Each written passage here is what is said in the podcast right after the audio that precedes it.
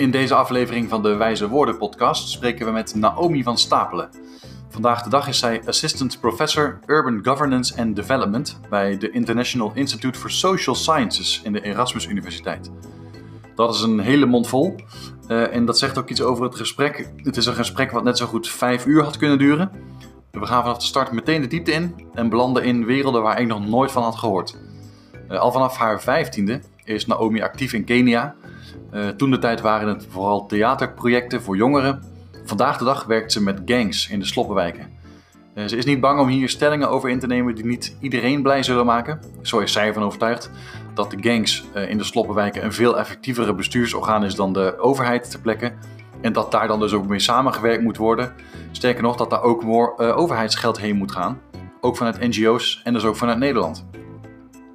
Ook zegt ze dat de waarheid waar wij in Nederland in leven in feite een fictie is, die alleen maar mogelijk gemaakt wordt door hoe wij omgaan met mensen in de derde wereldlanden. Kortom, dat zijn wel eh, stevige uitspraken, eh, maar dat het niet uit de lucht gegrepen is, kun je zien aan haar cv, aan haar boeken, aan de leerstoelen die ze heeft, aan de rollen die ze in grote internationale projecten heeft, onder andere ook in opdracht van het eh, ministerie van Buitenlandse Zaken. Het is een super interessant gesprek Anouk en ik hebben haar eh, veel vragen kunnen stellen en ze heeft veel kunnen uitleggen. Heb je nou vragen over deze podcast? Dan kun je ons bereiken via de Anchor-app en een eh, voicebericht achterlaten als reactie. Of je kunt ons mailen op wijzewoordenpodcast.gmail.com. Goed, tot zover de introductie. Nu over naar het gesprek dat wij hadden met Naomi van Stapelen. Veel luisterplezier. Het is een heugelijke dag. Het is uh, voorjaar en eigenlijk helemaal niet zo lekker weer en een uh, wonderlijke tijd. Maar Naomi, we mogen met uh, jou spreken. En ik kan jou als dokter Naomi van Stapelen aanspreken. Maar ik ken je al 30 jaar. En ik fascineer me al 30 jaar voor wat je nou eigenlijk allemaal aan moed en aan durf aan de dag legt. Terwijl je ook zo ongelooflijk uh, aardig en, en, en lief en onbevangen overkomt. Dus de fascinatie ja, voor wat maakt nou toch dat jij uh, in jouw werk en in je leven en overal waar je komt behoorlijk veel impact hebt. En je blijft heel onbevangen. Dus het is heel interessant om het voor jou te kunnen spreken. En uh, ja, ik weet nog goed dat ik jou voor het eerst zag. Hè. Dat is altijd zo'n zo'n uh, ja, zo'n verhaaltje. En toen was je blond, met hele dikke krullen, lang blond haar. En um, op het schoolplein riep je iets bijzonders al. Jij weet het ook nog volgens mij, hè? Ja, absoluut. ja, heel helder. En op het schoolplein was het al eigenlijk uh, ja, meteen fascinerend dat je bezig was met uh, theaterstukken en met uh, jongeren in Kenia. En ook was je zelf een jongere, want wij waren, nou ik was geloof ik 16 of net 17 en jij nog net iets jonger, dus het was wel bijzonder. En toen was je al gefascineerd voor de verhalen van Keniaanse jongeren. En nou, dat is nooit meer opgehouden. Nee, dat is een levenswerk geworden. Ja, dat is een geworden. Ja. En uh, ja, dan ben je ouder aan het worden. Dan is altijd de vraag, waar, waar, waar, waar, ga je dan op verder? En onze fascinatie natuurlijk van wat maakt dat je niet gewoon op de bank blijft zitten in je comfortzone en lekker relaxed. En waarom waag je toch elke keer die sloppenwijken in? Of, en sloppenwijken vind je al geloof ik niet eens meer een goede term. Nee. dus ik hou vooral mijn mond. Vertel, waarom zit je hier vandaag? Nou ja, ik vind het sowieso heel leuk dat jullie me hebben uitgenodigd. Uh, om hier weer, wederom weer opnieuw uh, over na te denken. Want ik verbaas mezelf natuurlijk ook elke keer. Waarvan ik denk, hoe komt het nou dat ik... Nu ben ik weer twee maanden thuis. En ik voel nu weer het verlangen om terug te gaan. Uh, we hebben een keer samen vastgesteld dat ongeveer zes weken de grens is. Dus ik ben nu in Nederland. Um, en nu voel ik weer hevig de aandrang om naar Kenia te gaan.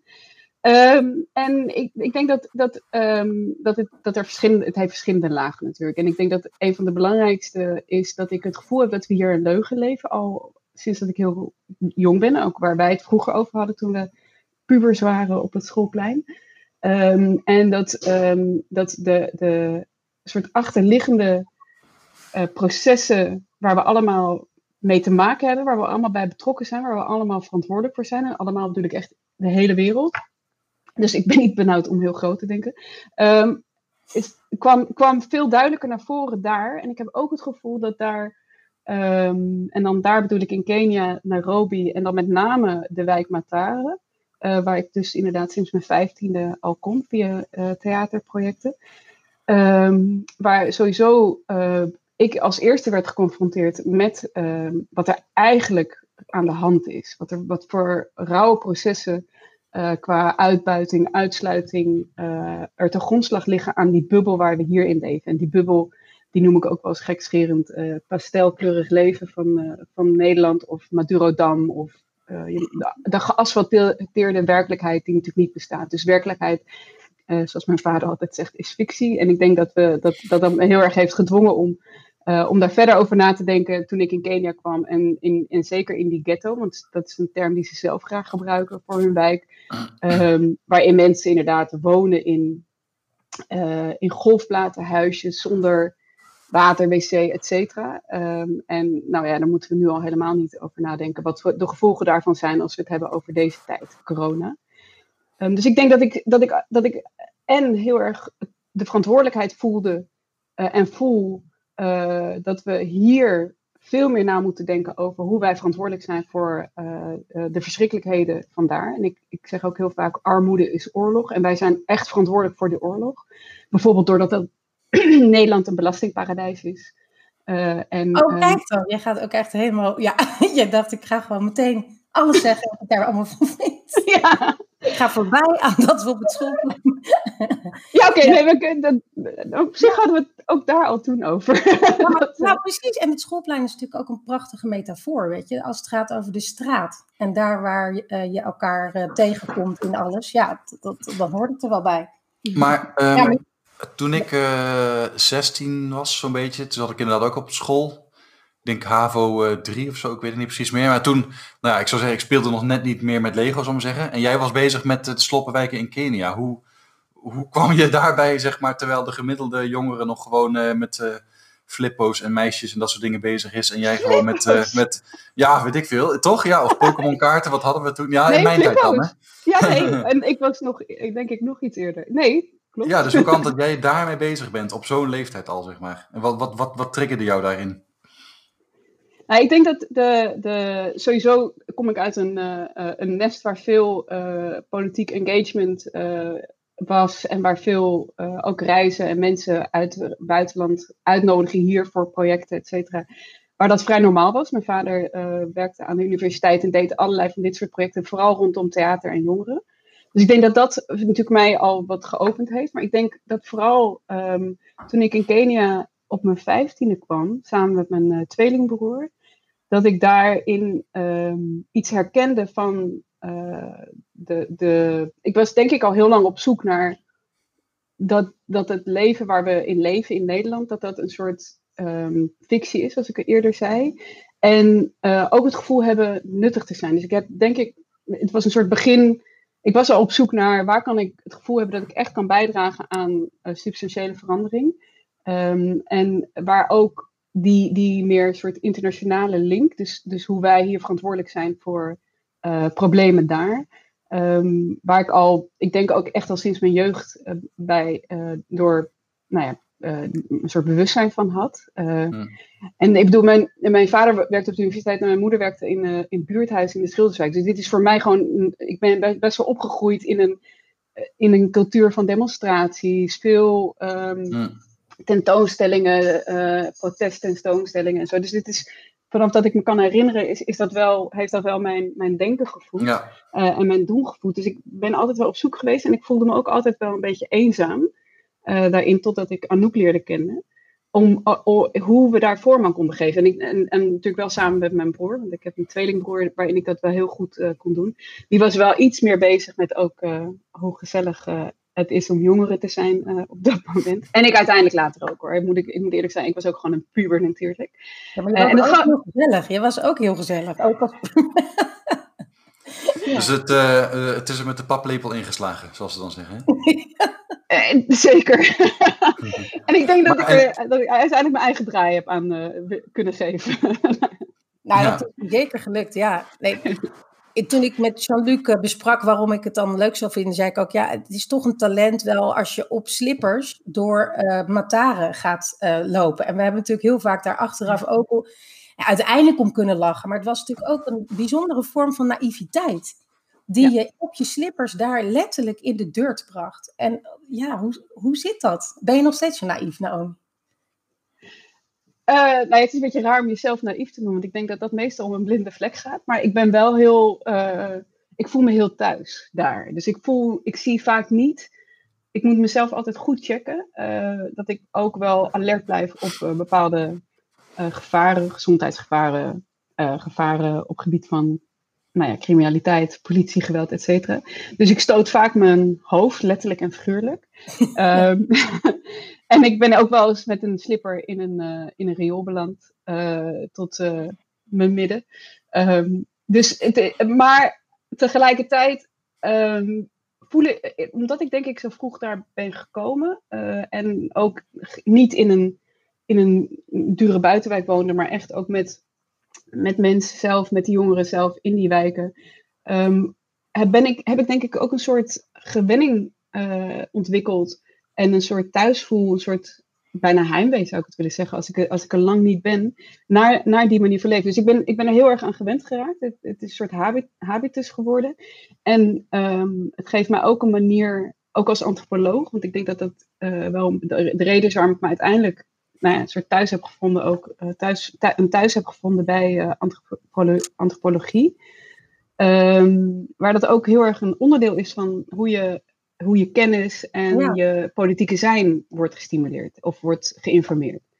Ja. Dus ik voel me gewoon daar heel thuis. Ik kan goed gedijen, heel lang, met heel weinig, uh, in een wijk waar ook juist heel veel actie gebeurt. Omdat ik daar ook het gevoel van heb, nou, we zijn wel met iets bezig wat urgent is. Ja, ja, dat is misschien wel een leuk bruggetje ook van, want, want uh, ik heb even gekeken op je profielen en op je LinkedIn en de site van Erasmus en je wordt duizelig van wat je allemaal doet. Van, van hoeveel uh, boeken en stichtingen en, en, en vakken die je geeft en wat je allemaal, waar je allemaal bent. Dan wat interviews gekeken. Kun je, kun je een soort focus aangeven waar je nu mee bezig bent, waar je projecten zijn, wat je doel is? Wat, wat wil je ermee bereiken allemaal? Nee, het allerbelangrijkste uh, in alles waar ik nu mee bezig ben, is dat het uh, people-driven is. Dus als het gaat om kennisontwikkeling vanuit de universiteit, dan gaat het voor mij om people-driven knowledge production. En excuses als ik wat Engels gebruik, maar ik denk heel veel in het Engels. Dus dat uh, kan ik bijna niet vermijden. No problem. Um, Thanks. Ik zal geen Swahili doen, dat is uh, Jammer, hè? Daar, daar ging de volgende vraag over. ah ja, ah, ja sawa. Piano en. Um, ik denk dat, dat uh, so, people-driven uh, knowledge production, uh, wat ook weer te maken heeft met student-driven teaching. En de, de projecten waar ik nu mee bezig ben in Kenia, wat steeds, ik, ik werk steeds meer naar een soort fragmentatie toe van wat ik doe op de universiteit qua lesgeven uh, en onderzoek. Dus qua onderzoek zijn we nu in Kenia. En als ik we zeg, bedoel ik dus met een team van community researchers. Ik als faci facilitator en we schrijven samen, we maken poli policy briefs samen. we informeren NGO's, proberen te kijken naar hoe uh, ook bijvoorbeeld hulp nu, bijvoorbeeld met de COVID-19-pandemic, hoe hulp ook veel meer vanuit people-driven uh, manieren kan worden aangepakt. Um, ben ik vooral bezig in Batare vanuit een, een people-driven planning groep om te kijken hoe we die, die gezondheidscrisis kunnen aanpakken vanuit hoe mensen zelf al allerlei mechanismes ontwikkelen uh, op het gebied van gezondheidszorg in de wijken zelf, maar ook veiligheid, et cetera. In plaats van dat de regering, wat nog steeds heel veel gebeurt, um, dat compleet uh, vernietigt en zijn eigen ja, mechanismes van controle, in plaats van dat het eigenlijk iets helpt of versterkt wat lokaal is, vernietigt dat en versterkt het meer de controle van de regering, dat dat het enige gezondheidsuitkomsten heeft. En dan nog één puntje over um, een ander onderzoek. Dat is uh, ook een, eh, een community-led research, waar uh, jongeren onderzoek doen naar hoe gangs en Al-Shabaab, dat is een, een jihadi groep in Oost-Afrika, Hoorn-Afrika, Oost-Afrika, en nu dus ook met de COVID-19, hoe dat allemaal ja, interacteert. En, en wat is daar dan nog even, want even voor mijn beeld nog, wat is daar dan weer het overkoepelende doel van? Uh, want dit zijn projecten in een ding, maar wat is daar het overkoepelende doel van en waarom dan specifiek Kenia ook? Nou ja, allereerst omdat er zo ontzettend veel aannames zijn over gangs. Ehm, dat is een van mijn grote projecten. Uh, om te kijken hoe ik bij kan dragen aan een nieuwe manier om naar gangs te kijken als uh, development organisaties, als bestuurlijke organisaties, als organisaties die nu veel effectiever zijn dan de regering in de meeste buurten, maar dus ook als uh, deradicaliseringsgroepen. Nou ja, dat is natuurlijk uh, heel erg tegen de stroom in. Uh, ik krijg veel kritiek en, en, en tegenwind in, in de, vooral de, de grotere beleidsorganisaties, internationale NGO's en zo. En tegelijkertijd zie ik gewoon, omdat ik onderzoek doe met degene waar, dit, waar het eigenlijk om gaat, en hun helpt met hun eigen onderzoek, zie je dus dat, dat, dat er hele andere kennis ontstaat. En door die kennis uh, kun je ook het, de, de ruimte openen binnen die grote beleidsdiscoursen, beleidspraktijken, uh, om veel meer te kijken naar wat, wat, wat, lokale, wat, wat in de lokale context van belang is. En ik denk dat dat de, de rode draad is van de projecten in Kenia. Um, naar het lesgeven. Ik geef les ook aan internationale studenten over development. Dus ik ben, ik, ik ben heel erg gepositioneerd binnen de development, International uh, Development uh, Aid. Uh, dus ik werk samen met het ministerie van Buitenlandse Zaken vooral. En probeer heel erg te laten zien dat, um, nou ja, hoe we het 40 jaar al hebben gedaan, werkt niet. waarom luisteren we niet naar de mensen? En dat zeggen we ook al 40 jaar in development studies. Um, maar misschien um, is dit een manier om weer op een andere manier om te laten zien dat we die, die uh, structuren van, van bestuur uh, compleet moeten omgooien. En ik ben daar vrij radicaal in. Uh, en veel meer vanuit people-driven. Dus, en waarbij het ook gaat om geld veel beter te verdelen. Dus een manier hoe ik onderzoek doe is als ik een onderzoeksfonds krijg. Wel bijna hoor. Maar... ja hoor, ik kan, ja. je weet. Ja. Nou ja, weet je waarom ook? omdat ik ineens dacht, Um, en dat kwam ook in de voorbereiding wel naar voren, dat hè, van woorden maken we verhalen en van verhalen uh, leren we allemaal. Dat is even de eenvoudige versie. En uh, de theaterverhalen, weet ik nog wel, waar we toen vroeger ook mee bezig waren, gingen ook heel erg over onszelf en onze eigen geschiedenis. En ja. we ontdekten eigenlijk ook als jongeren dat waar wij mee worstelden toen we 16 waren, uh, niet, niet in de kern heel anders was dan waar de Keniaanse jongeren mee, mee worstelden, maar de omstandigheden waren cruciaal anders. Ja. En um, zelf uh, vind ik de vraag wel ook mooi van, hè, jij bent, als ik het heel erg plat sla, misschien gewoon een verhalenophaler. Zeker. Of een enabler, dat die verhalen, ook weer een Engels woord, maar dat die verhalen kloppen. En dat de keerzijde van de ene kant van het verhaal ook belicht wordt. Dus dat je hele verhalen krijgt. Ik dacht, ja, maak ik het dan te eenvoudig? Nee, ik denk... Als je dan Luc vraagt, wat doe je nou precies? Is het, mogen we het dan, kunnen we het zo samenvatten of is dat te, te simpel? Nou, ik denk dat er, dat er dan drie trappen zijn. Ik denk dat, uh, dat ik probeer vanuit de positie en de privileges die ik hier heb, probeer ruimte te creëren.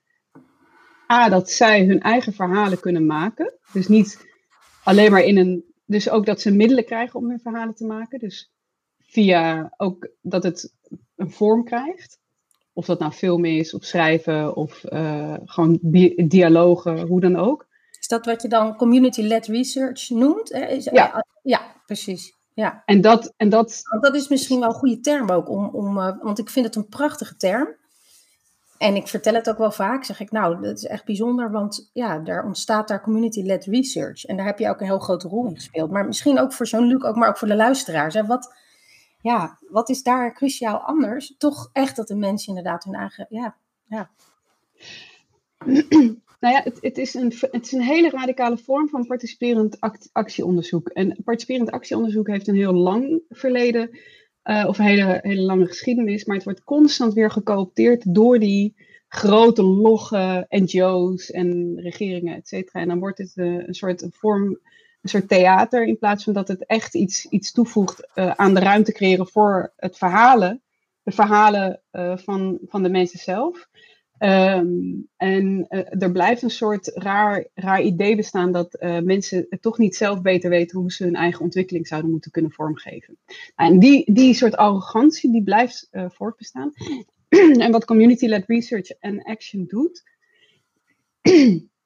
is, uh, is volledig de, de, de, de, de voorwaarde voor uh, het creëren van verhalen, het vertellen van verhalen en hoe verhalen naar beleid worden vertaald, helemaal leggen bij degene waar het om gaat.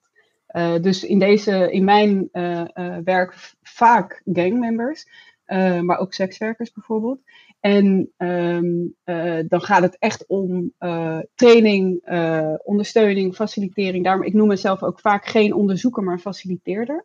Hmm. omdat ik dat veel beter vind om de verhouding weer te geven.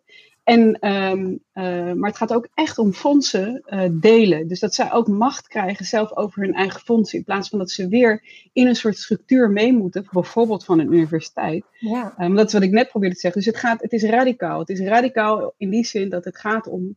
Uh, zij moeten de beslissingsmacht hebben over welke verhalen, hoe ze het willen vertellen eerst ontwikkelen, dan willen vertellen. En hoe ik hen kan helpen, bijvoorbeeld op hun uitnodiging.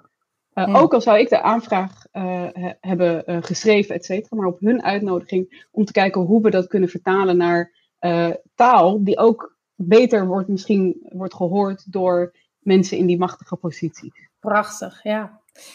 Toen je ook Stichting Duara oprichtte, wat natuurlijk cirkel betekent in Swahili, um, herinner ik me ook nog dat, dat je eigenlijk van daaruit bijna van cirkel naar spiraal kon gaan denken. Dat hoor ik je nu ook eigenlijk doen in je verhaal. Vind ik wel bijzonder.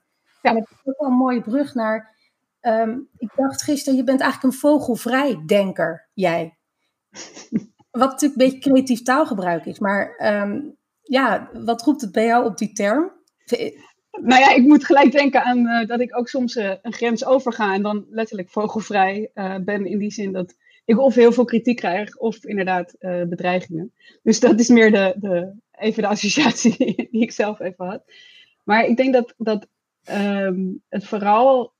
Ik word vogelvrij of ik word vrij in mijn denken. Doordat ik met, met, met deze mensen samenwerk. Want ik word zelf constant gedwongen om alles wat ik weet, ken, compleet op losse schroeven te zetten. Dus alles waar ik vandaan kom, wat mij mij maakt. En misschien is dat ook wel de reden dat ik na twee maanden denk: ik moet weer terug. Ik moet weer helemaal wakker worden geschud en gestript worden van, van nou ja, de comfortabele bank hier.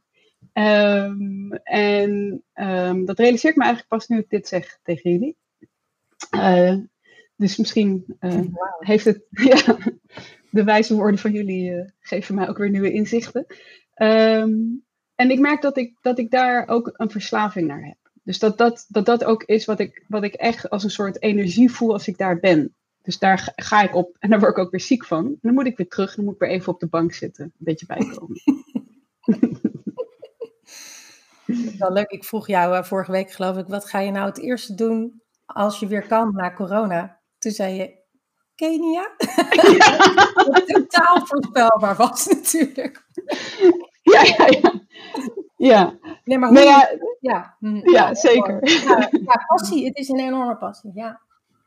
Het is echt een liefde en uh, ik denk dat dat ook uh, uh, de vriendschappen Ehm, die ik heb met mensen daar, die gaan heel diep. En, die, en onze levens zijn volledig verweven met elkaar. Dus um, het is niet zo dat ik alleen maar daarheen ga. Uh, ze komen natuurlijk ook hier. En uh, we hebben onze uh, politieke, sociale levens zijn helemaal verweven. Ook onze financiële levens zijn verweven met elkaar. En dat is een soort commitment die ik, waar ik ook, ik heb ook het privilege om dat te kunnen doen. Dus ik heb ook die nou ja, lange termijn geschiedenis met, uh, met deze mensen, met, met mijn vrienden. Uh, we chatten elke dag op WhatsApp. Uh, nou ja, nu hebben, hebben zij ook Zoom ontdekt, dus we kunnen elkaar ook weer goed zien. En, dus het is niet. Soms vragen mensen wel als ze mijn Facebook bijvoorbeeld volgen: van hoe komt. Je lijkt wel alsof je altijd in Kenia bent. En ik denk dat een deel van mij ook altijd in Kenia is. Um, en ik denk dat dat wel minder zo is als ik daar ben, dat een deel van mij hier is. Dus dat is, dat is wel een boeiende ontdekking. Ja, dus je hebt echt enorme impact uh, eigenlijk in de breedte. Je hebt impact, je krijgt impact, er is impact aan alle kanten. Um, ja, wat maakt dan ook dat zo'n zo'n blank meisje, hè, die onbevangen eh, ontmoeting, uh, zo elke keer um, ja, bij toch ook gevaarlijke plekken en ook gewoon ja, in gevaarlijke omstandigheden bewerkstelligt? Nou ja, ik denk dat um, mijn witheid is natuurlijk sowieso een. een, een uh, het blijft altijd een en een privilege en iets wat tegenhoudt in bepaalde uh, samenwerking, interactie, dat soort dingen. Omdat ik natuurlijk ook, er zijn heel veel verwachtingen die ik, waar, die helemaal niet waar kan maken, die natuurlijk wel op mij worden geprojecteerd. En daar voel ik me dan ook vaak naar over. Um, dus daar, en soms is het natuurlijk ook weer dat die witheid een, een iets kan worden ingezet, instrumenteel, um, tot een bepaalde hoogte. Dus dat zijn wel, dat, dat is constant heel bewust zijn en dat is een van de dingen wat ik net zei over dat, uh, dat, dat ontdoen, dat strippen. Dat is niet uh, van mijn witheid, want dat kan natuurlijk niet. Maar wel van uh, dat je weer wakker wordt geschud van wat het allemaal geeft. wat het allemaal, wat die privilege inhoudt. En hoe je het kan inzetten. Maar wel constant met een hele ethische en, en reflexieve um, houding daartoe. en daar, ik heb gelukkig een aantal vrienden die, um, waar ik zo'n vertrouwensband mee heb, want dat is natuurlijk heel moeilijk, in zo'n, in, zeker in situaties waar zo weinig, weinig, weinig mensen weinig hebben, um, die mij gelukkig altijd de waarheid vertellen. Want ik ben natuurlijk ook niet altijd bewust van mijn blinde vlekken. Dus dat, en die, die zijn heel goed in, in het mij wakker houden. Um, en ik ben verder graag. In de lach, hoor, maar mijn, mijn, lachje gaat meer over dat ik bijna de grap wilde maken. Nee, maar dus Jean-Luc en ik hebben dat niet. Die hebben geen blinde vlekken, maar dat is natuurlijk heel nou, dus, uh, Bij deze weer. Uh, ik zei helemaal niks net hoor, nee. ik heb een heleboel uh, blinde vlekken hoor. maar ik vraag me dan wel af van wa waarom, waarom vertrouwen ze jou dan? Of waarom doen ze dat dan allemaal met jou? Gewoon zo'n blanke Nederlander die daar komt en denkt, nou hier, ik ga het even oplossen hoor. waarom, waarom doen ze dat met jou? Nou ja, ik kon niet zeggen dat ik het ga oplossen. Dat is denk ik één. Ah. Want dat kan ik helemaal niet. Uh, ik heb natuurlijk een aantal dingen. Kijk, wat, als je het even heel, heel klein maakt naar. Um, uh, we hadden een onderzoek naar een cash transfer pro programma. Uh, en cash transfers zijn kleine donaties waardoor mensen um, die nu bijvoorbeeld heel moeilijk hebben, net even een, een, een kussentje krijgen om uh, bijvoorbeeld thuis kunnen blijven en veilig kunnen blijven in coronatijden. Um, en wat. wat um, wacht even, ik, volgens mij begin ik nu een, een heel ander verhaal. Ik, ik heb niet een oplossing. Wat, wat zij dan vragen aan mij is uh, ondersteunen. Dus ik vraag, het gaat altijd op vraag van mensen daar dat ik ergens aan meedoe. Dus ik, en eh, ik ben in die zin eigenlijk niet meer dan een back-office. Zo zie ik mezelf. Weet je? Ik ben niet iemand die beslissingen maakt. Ik geef suggesties, advies. En daar ben ik constant heel open en bescheiden in. Omdat ik weet hoe die machtsverhoudingen zouden kunnen zijn. Maar ik heb natuurlijk wel bepaalde connecties en expertise die we ja. gaan ondersteunen. Ja, dat heb je natuurlijk. En wat ik eerder noemde, naïviteit. Wat ik echt een kwaliteit vind, ook vaak. En ja, tuurlijk. Maar ook een bepaalde nederigheid. Heb jij. En uh, ik weet niet, volgens mij ben je ermee geboren. Maar, nou ja, en je hebt het ontwikkeld. Ik bedoel, hallo, eh, ik wil je daar zeker niet tekort doen, maar je hebt het ook ontwikkeld. En, en met een bepaalde nederigheid doet misschien huidskleur er ook helemaal geen ene reet meer toe. en, uh, dus dat wil ik er wel even aan toevoegen. Dus ja, ik dacht, oh, mooie KPI's. Nederig, naïef en zo. Ja, maar ja, toch, weet je, um, ja, de effecten daarvan. Want eh, herken je wel eens eh, de nederigheid in de gewone office in Den Haag? Je werkt bij eh, ISS. Ja, ik denk, denk dat ik ook zo les geef. Naar, altijd naar studenten toe. Dus ik ben. Ik denk dat dat ook mijn, mijn manier van. van ook in de academie. De academie is natuurlijk een vrij harde, kritische wereld. En ik ben altijd. Dat is ook wat ik terugkreeg van mijn promotor iemand die op het moment dat, uh, dat ik bijvoorbeeld commentaar krijg op mijn werk, dan ben ik als eerste neem ik dat commentaar als even als waar aan. Gewoon als exercitie ook voor mezelf. Om, om mezelf te dwingen om uh, na te denken en mezelf, uh, nou ja, net zoals wat ik in Kenia graag doe, mezelf echt op, op losse schroeven te zetten. en daardoor nieuwe inzichten te krijgen. Daar ben ik niet bang voor. Nee. Um, en ik denk dat ik dat ook met studenten doe. En soms wel echt tot, tot, tot een overgrenzen heen. Dat studenten natuurlijk daar soms wel uh, denken dat ze daarmee hogere cijfers zouden kunnen halen. Maar ik ben altijd bereid tot een, tot een heel open gesprek.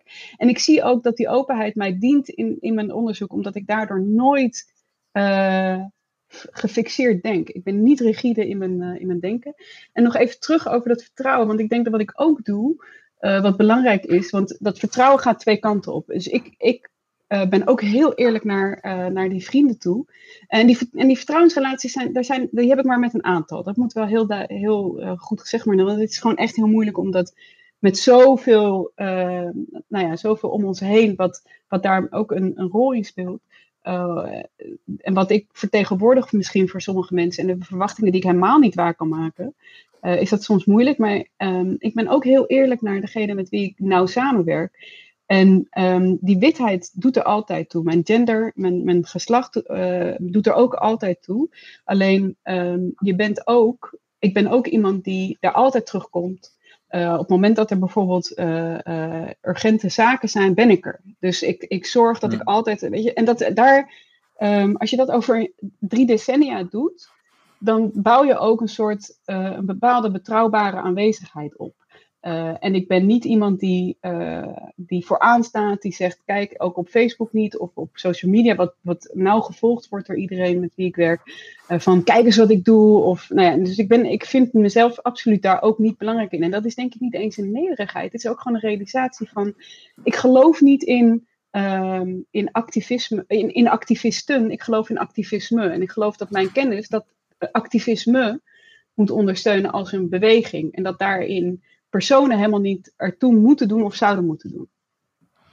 En uh, dat, ze dan, dat ze je daar vertrouwen is denk ik handig, omdat je ook dus met gangs en zo werkt, wat je net zegt. mensen waar de gemiddelde mensen denk ik niet van denken, nou, daar stap ik even op af en dan ga ik even advies geven of vragen. Uh, hoe, hoe werkt dat in de praktijk? Uh, hoe werk je met een gang? En, en ja, hoe gaat het dan? Ben ik ook benieuwd naar. Ja, nee, dat kan me voorstellen. Um, het is, ik denk dat um, nou, het woord gang heeft allerlei associaties uh, van gevaarlijke mannen, valrouw. Dus, en, en ik werk ook vooral met jonge mannen. Um, en wat ik net al zei, is natuurlijk dat, dat hoe ik naar gangs kijk, is denk ik heel anders dan de gemiddelde uh, persoon bijvoorbeeld, die het heel erg baseert misschien op hoe in hip-hop, in gangsterrap, uh, het idee gang wordt voortgebracht. En hoe kijk je naar gangs?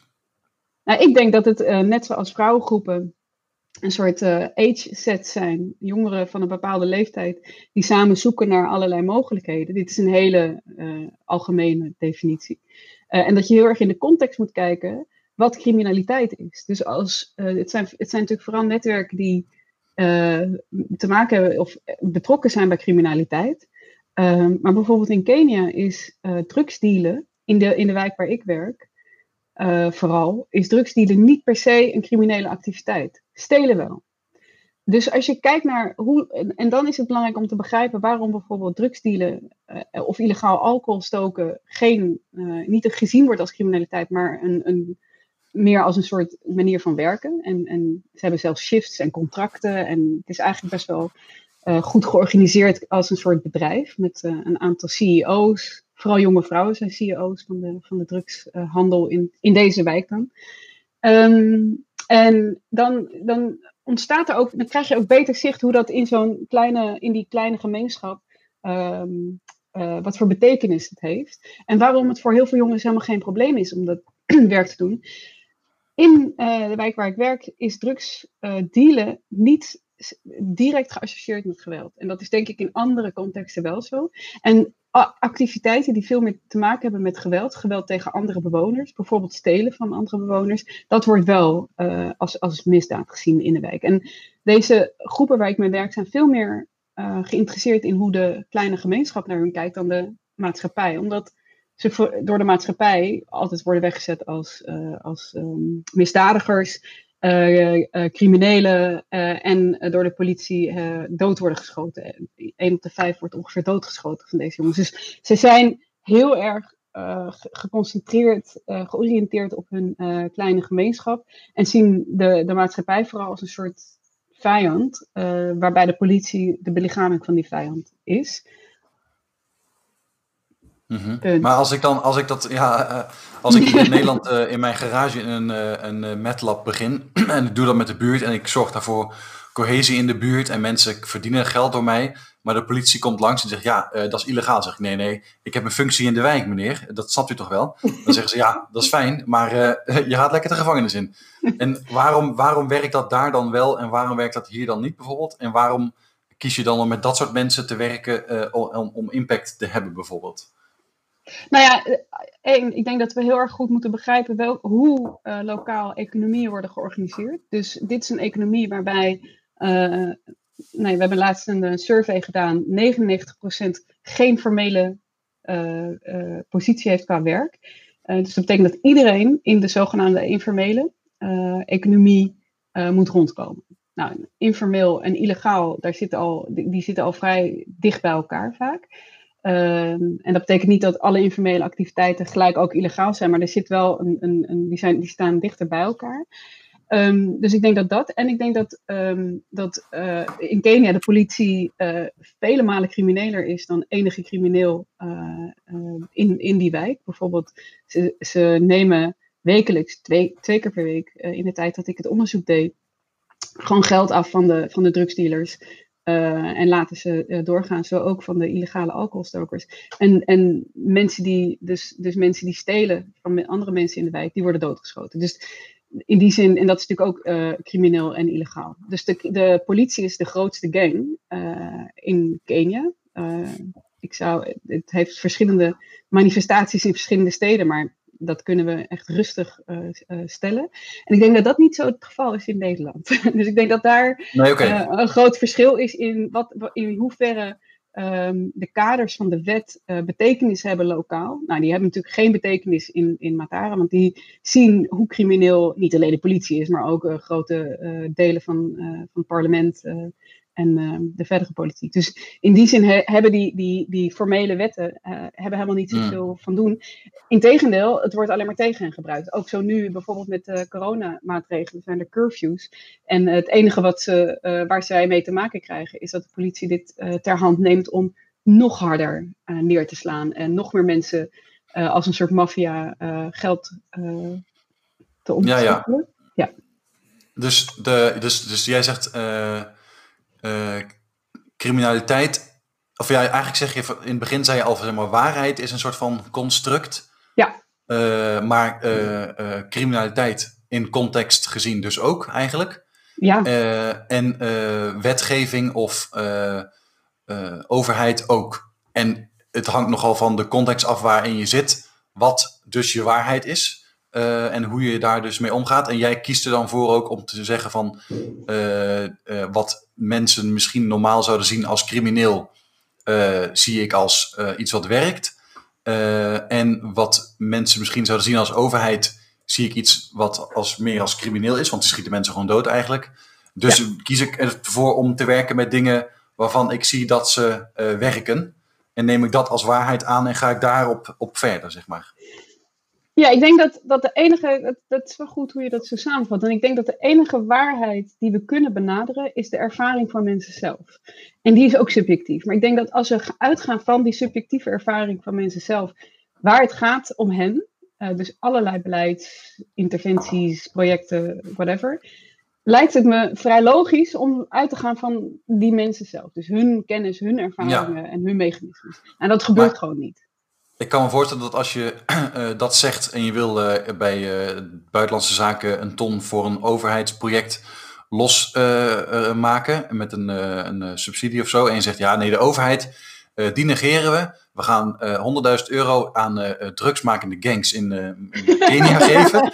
Dat ze dan niet zeggen, oh wat een goed idee Naomi. Nou, hier heb je het geld. Dus, stuk Naomi, zeg Ja, hoe, hoe, zorg je er dan voor dat je dat beeld, want ik, ik begrijp hoe je dat beeld hebt, uh, maar dat moet je ook opmaken door 30 jaar daar te zijn. Hoe vertaal je dat naar een, zeg maar, als je mij moet overtuigen als uh, subsidiegever?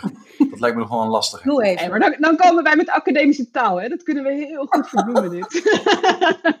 okay. Sorry Anouk, jij wilde wat zeggen. En dan kom ik terug op je vraag, uh, Jean-Luc. Nee, ik riep daartussendoor. Um, dan roepen ze misschien wat een goed theaterstuk. Dat, dat ja. maar nee, ga verder. Ga verder. Wat een goede vraag. Ja, precies. Wat, uh, hoe overtuig je Jean-Luc als hij degene is die die ton heeft uit te delen? Nou ja, ik denk dat um, uh, het, het allereerste is dat uh, wat, alles wat ik probeer in te zetten, constant op uitnodiging van de mensen met wie ik werk, is niet tegen de regering, is niet tegen de staat in Kenia. En ik denk dat dat heel belangrijk is. Het gaat juist om te kijken hoe je instituten kunt versterken, zodat er veel meer burgerparticipatie is. Veel meer accountability, uh, veel meer democratische mogelijkheden. En bloot te leggen waar de staat um, dat niet doet ondanks dat ze een hele mooie façade volhouden voor internationale donoren, zoals de Nederlandse overheid. Ehm, en daarin probeer ik ook de Nederlandse overheid te informeren waar dat precies gebeurt en waar zij een rol zouden kunnen spelen. Niet dat ze dat altijd overnemen of op zitten te wachten, zeker niet. Mhm. Maar ik zie wel, we hebben laatst een, een, een, onderzoek afgerond waarbij we een vergelijking deden tussen Nigeria, Kenia en Indonesië. Op uh, hoe uh, in heel veel contexten gangs, milities, en dat noemen we dan non, niet-statelijke veiligheidsactoren, um, veel, veel meer relevant zijn. Ja, dat is dan die academische term. waarmee we het een beetje verbloemen. Uh, waarmee we dan, uh, uh, nee niet verbloemen, maar we proberen natuurlijk wel een soort, soort overkoepelende term te hebben waarmee we kunnen werken om de, de dynamieken in, in kaart of in zicht te krijgen. En um, de Nederlandse overheid en een instituut zoals Klingendaal zijn natuurlijk wel geïnteresseerd om te kijken, maar hoe, hoe zit het nou eigenlijk? Dus weet je, de, de façade van hoe de regering in Kenia of in Nigeria en Indonesië zegt dat dit is, weten we ook dat dat natuurlijk niet zo is. Dat is hetzelfde natuurlijk ook in Kenia of in Nederland. Zo hier mijn. Uh, nee, dat, uh, ik besef me nu ook dat als ik dan die vraag dus stel, dat ik dan dus ook denk vanuit mijn uh, waarheid, inderdaad. En dat dat dus ook niet helemaal nee. altijd zwaar is. En ik heb dan nog één, één laatste vraag daarover, want oh. um, jullie komen natuurlijk allebei uit. gaan, dat is ook echt heel interessant. maar, ja, oh nee, Jean-Luc, kom er vooral in. Laatste vraag, we hebben nog vijf minuten. Nou ja, omdat um, um, als ik dit te hoor, denk ik, ja, de, jullie komen allebei uit Den Haag. En uh, volgens mij waren er eind vorig jaar uh, protesten tegen vreugdevuren en zo in uh, Den Haag. mocht niet op het strand. En het werd de halve wijk in de fik gestoken. En er werd allemaal. denk ja, zijn dat dan niet soort van eigenlijk dezelfde soort vragen, zeg maar? en dezelfde soort bewegingen? En, en ja, kun je daar ook niet iets op focussen dan? Dat je dat niet kunnen. ik woon er namelijk op de hoek. En ook nog even uh, schrijven, ja. ja. ja, ja, ja. Nou, nee, ik ben, ik ben zeker uh, ook betrokken bij onderzoek in Den Haag. Alleen daar kan ik nu nog niks over zeggen. Maar niet, uh, niet op, de, op dit onderwerp. Want ik ben wel geïnteresseerd in te kijken hoe, hoe er parallellen te trekken zijn. zowel tussen steden in, in Nederland en steden in Kenia. Maar ook hoe we kunnen leren van uh, kennis en uh, stedelijke ontwikkelingen in Kenia juist. Dus in plaats van dat we altijd denken dat we, dat we vanuit het westen daar, ik denk juist andersom vaak. Uh, niet altijd, maar wel vaak. Um, en ik, ik ben zelf, um, ik denk dat, dat nou ja, wat ik ervan weet, um, wat in Duindorp gebeurde in Den Haag. ik denk dat we niet moeten onderschatten hoe witheid als suprematie werkt. En ik denk dat het daardoor niet te vergelijken is uh, ook al wordt witheid uh, doorkruist door, door klassen in, in deze wijken en waarschijnlijk ook door hoe die hele gemeenschap in een bepaalde lokaliteit uh, verbondenheid heeft met elkaar en een soort anti-overheidssentiment anti, heeft. Um, maar ik denk dat de mate van marginalisatie en, um, en, en ook weerbaarheid, wat groepen hebben ontwikkeld, uh, wat ik zie in Kenia is absoluut niet, niet te vergelijken met wat er aan de hand is. Het is niet zo dat je, die, die, dat je de, de lens die, die ik gebruik in Kenia zomaar kan toepassen om te begrijpen wat er in, uh, met de vreugdevuren is gebeurd. Ook omdat de vreugdevuren niet echt om een hele essentiële uh, levensbehoefte gaat. nou, daar, hebben zij een andere mening over, denk ik volgens mij. Absoluut, ja, maar De, ik bedoel, ja, daar, daar heb ik dan. Soms mag je als academicus ook gewoon een mening hebben. Dus dat, nou, we zijn uh, bij de afhandeling gekomen volgens mij. Is er, ja, we hebben nog, uh, nog een paar minuten. Hoe was voor jou dit gesprek, Naomi? Nou, leuk. Ik heb weer over nieuwe dingen nagedacht. Dus dat gaf Zo. mij, uh, ja, ja, dat ga ik meenemen. Ja. ja. en wat was er precies nieuw? Kan je dan nog één keer aanstippen? Nou ja, ik heb me echt nooit gerealiseerd dat de reden waarom ik misschien oh, rond, rond zes weken uh, weer kriebel begin te krijgen om naar Kenia te gaan, is omdat ik weer ge gestript wil worden van een bepaalde, uh, letterlijk een bepaalde comfortabelheid, maar dat dat dus te maken heeft met een soort, um, um, dat ik ook op die manier, dus zowel qua identiteit, maar ook als kennis, dat het zo verbonden is met elkaar, dat ik gewoon helemaal constant uh, op losse schroeven moet staan. Oké, okay, wauw. En ja, ja, mooi. Ja. ja. Nou, dus blijkbaar is dat heel belangrijk. Ja, zeker. Ik heb ook over nieuwe dingen nagedacht, absoluut. En uh, ik klink een beetje schor, maar uh, dat, uh, dat is niet. dat is gewoon omdat het. ja, ik vind het wel heel tof. Dankjewel, Naomi Jojo. Maar Jean-Luc ook, ja, ik weet niet. Had jij nog nieuwe gedachten? Dat je zegt, oh, die wil ik ook nog even. Ehm, nou ja, heel veel. Maar volgens mij kunnen we nog, uh, nog vijf uur uh, doorpraten. Ja. Maar ik vind, ja, nee, ik, ik vind het super interessant. nou, we moeten volgens mij nog een keer langer over doorpraten. Maar als mensen meer willen weten nog, waar kunnen ze wat vinden over jou? Ja, Facebook. Dat klinkt echt heel uh, blasé. Maar Naomi van Stapelen, Facebook. Um, en ik ben heel slecht met uh, vrienden uh, aanklikken. Dus dat ga ik dan vaker doen. ik vergeet okay. het. En LinkedIn probeer ik ook. Ga ik ook echt wat beter mijn best op doen. Maar ik ben een beetje... Okay. Ik moet weer een beetje erin komen. Na deze okay. drukke online periode. Hartelijk dank, Naomi. En, heel erg bedankt. Jullie op met je prachtige werk. Mooie dag. jullie ook. Dankjewel. Dank je.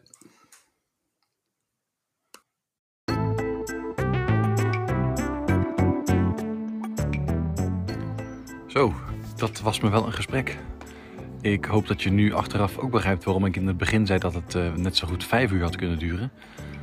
Uh, en we hebben inmiddels ook afgesproken om het op een later tijdstip nog eens over te doen en om dan iets dieper in te gaan op uh, bepaalde onderwerpen uit het gesprek. Wij hebben in ieder geval nog genoeg vragen. als jij nou ook vragen hebt, stuur dan even een e-mail naar wijzewoordenpodcast.gmail.com of download de Anchor app op je telefoon en laat even een voicebericht achter. Dan kunnen we daarop reageren. Voor nu opnieuw bedankt voor het luisteren en tot de volgende aflevering.